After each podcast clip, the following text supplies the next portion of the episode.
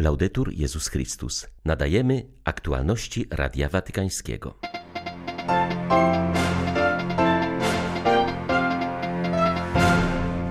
Papieska Komisja do Spraw Ochrony Nieletnich zorganizuje w Warszawie międzynarodową konferencję na temat zapobiegania nadużyciom seksualnym wobec dzieci.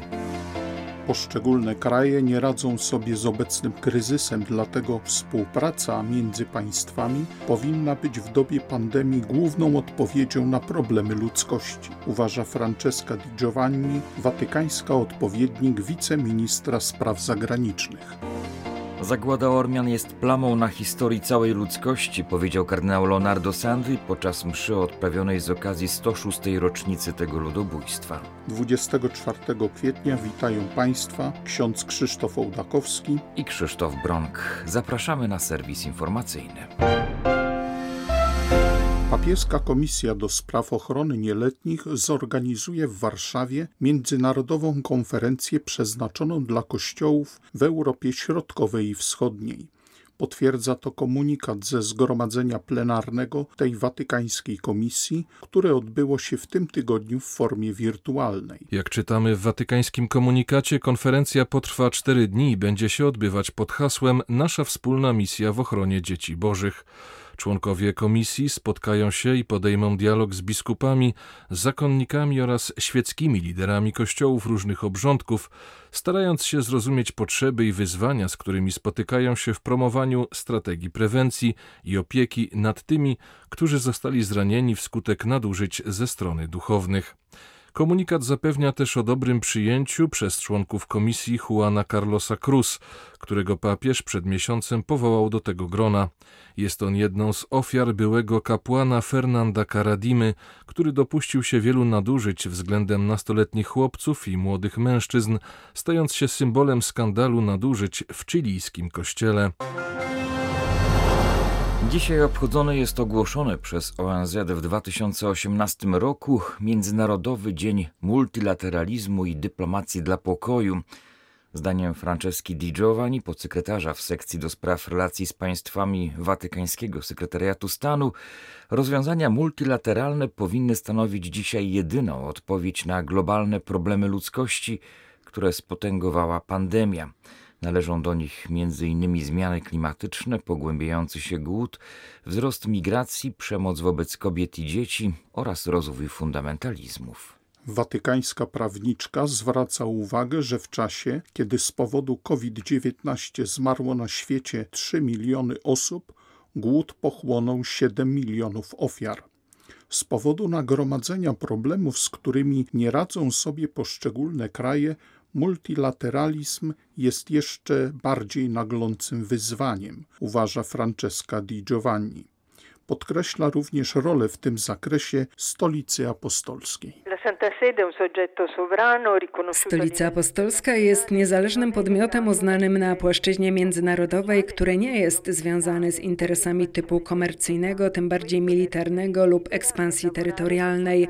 To czyni ją bardziej niezależną i wolną w działaniu, aby nieść orędzie pokoju i solidarność pośród narodów i tych, którzy nimi rządzą. Papież Franciszek streszcza to orędzie w jednym słowie braterstwo. Braterstwo rozumiane nie tylko jako cel do osiągnięcia, ale także jako konkretna droga dla narodów. Bycie człowiekiem w swojej godności osobowej ma nie tylko wymiar indywidualny, ale również społeczny, bo istota ludzka stworzona jest na obraz i podobieństwo Boga.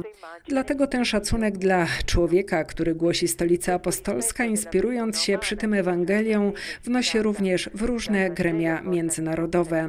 Jako moralną powinność odczytuje także towarzyszenie wspólnocie międzynarodowej w dążeniu do pokoju, integralnego rozwoju ludzkich istnień i wszystkich narodów narodów, przeciwstawiając się biedzie oraz walcząc z degradacją środowiska.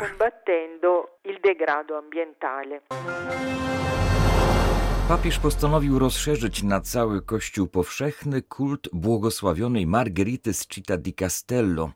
Była tercjarką dominikańską, urodziła się w 1287 roku w Metola we Włoszech jako niewidoma i zdeformowana.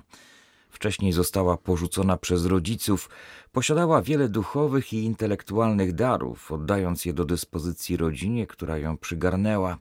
Pomimo swej ślepoty oddawała się dziełom miłosierdzia, odwiedzała uwięzionych i chorych, była obdarzona wieloma darami mistycznymi. Przypisywano jej pośrednictwo w wielu uzdrowieniach. Franciszek upoważnił również kongregację spraw kanonizacyjnych do promulgowania dekretów dotyczących męczeństwa oraz cnót heroicznych kilkorga sług bożych. Uznane zostało męczeństwo Vincenza Toribio i jedenastu towarzyszy z zakonu redemptorystów zamordowanych z nienawiści do wiary w Madrycie w 1936 roku. To oznacza, że wkrótce będą oni błogosławionymi. Została uznana heroiczność cnót Pietra Corradiniego, biskupa Frascaty i kardynała, założyciela Zgromadzenia Sióstr Szkolnych Świętej Rodziny oraz Emanuela Stabluma, zakonnika ze zgromadzenia synów niepokalanego poczęcia. W gronie nowych sług bożych znalazło się troje świeckich. Enrico Ernesto Shaw, ojciec rodziny, ewangelizował m.in. świat wielkiego przemysłu w Stanach Zjednoczonych. Bardzo pomagał dźwignąć się Europie ze zniszczeń po II wojnie światowej. W 1952 roku założył chrześcijańskie Stowarzyszenie Liderów Biznesu. Maria de los Desamparados Portilla Crespo była hiszpańską matką licznej rodziny. Miała 11 dzieci. Urodziła się w Walencji w 1925 roku. Przez wiele lat kierowała wraz z mężem dziełem apostolstwa rodzinnego na poziomie krajowym. Była zaangażowana w upowszechnianie praktyk religijnych w rodzinach, szczególnie poprzez uczestnictwo w programach telewizyjnych podejmujących tematykę rodzinną. Włoszka Anfrosina Berardi żyła zaledwie 13 lat. Zmarła w 1933 roku. Dwa lata przed śmiercią poważnie zachorowała z powodu wyrostka robaczkowego, co było połączone z silnymi bólami brzucha. Pomimo ogromnych cierpień fizycznych zachowała wielką ufność w Bogu, zawsze była uśmiechnięta i pogodna.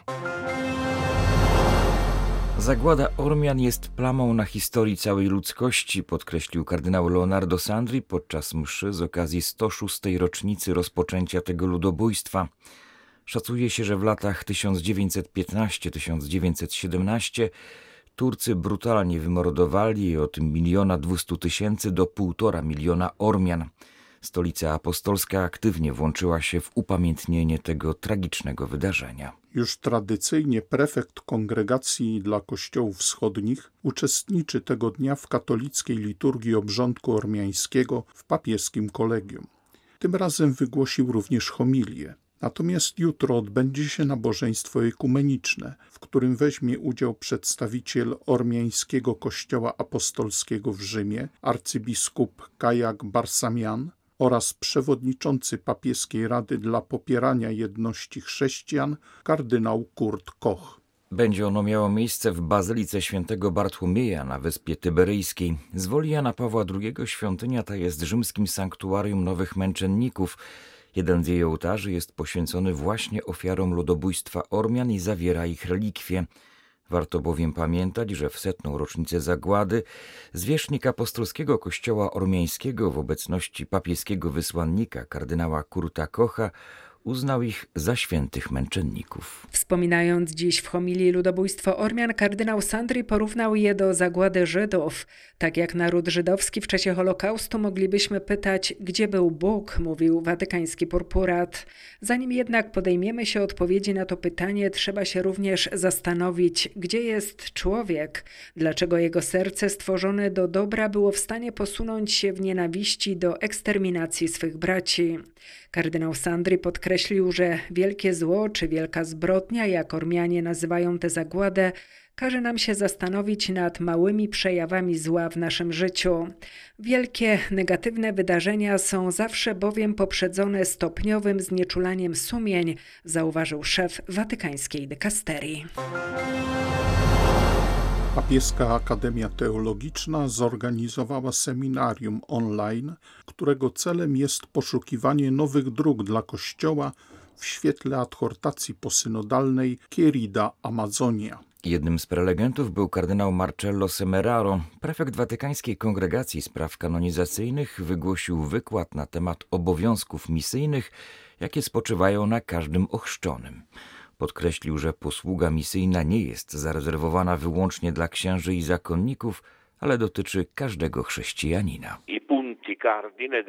W swoim wystąpieniu zwracałem uwagę na charyzmatyczny wymiar działania Ducha Świętego, który wzywa do różnych form służby w Kościele. Jedną z nich jest posługa misyjna.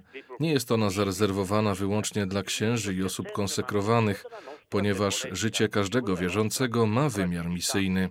W Kościele trzeba uważać na niebezpieczeństwo klerykalizmu, o którym tak często mówi papież. Może on przybrać formy jawne, ale też ukryte.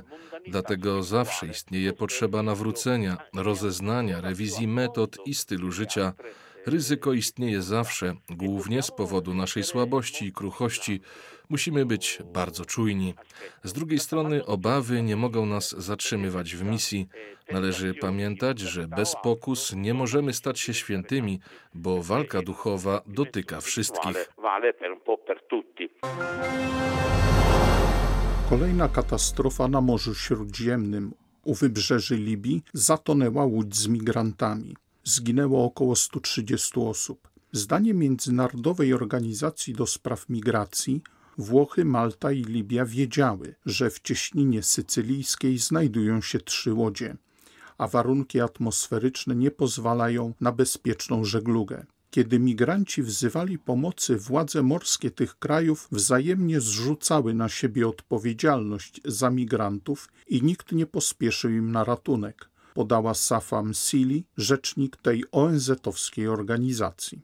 Nie zgadza się z tym włoska Straż Przybrzeżna, jak i Frontex. Ich zdaniem wszystkie procedury zostały zachowane, a odpowiedzialność za katastrofę ponoszą nieuczciwi przewoźnicy. Do natychmiastowego zapobiegania takim katastrofom wzywa arcybiskup Corrado Lorefice, metropolita Palermo, Podkreśla on, że wszyscy jesteśmy odpowiedzialni za to, co wydarzyło się na Morzu Śródziemnym.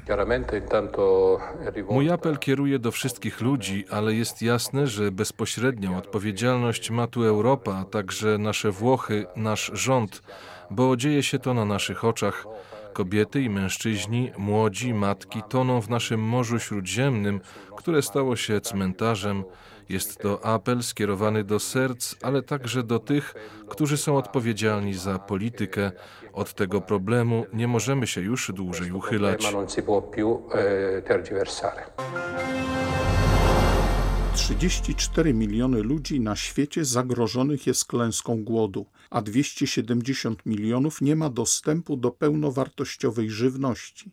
Czytamy w liście otwartym opublikowanym przez Caritas Internationalis i inne organizacje humanitarne. Wzywają w nim rządy i światowych przywódców do natychmiastowego przeznaczenia dodatkowych 5,5 miliarda dolarów aby zapobiec globalnej katastrofie. Zdaniem sygnatariuszy to głównie działania człowieka doprowadziły do obecnej katastrofy, stąd niezbędne jest podjęcie koniecznych kroków, aby tę niesprawiedliwość odwrócić.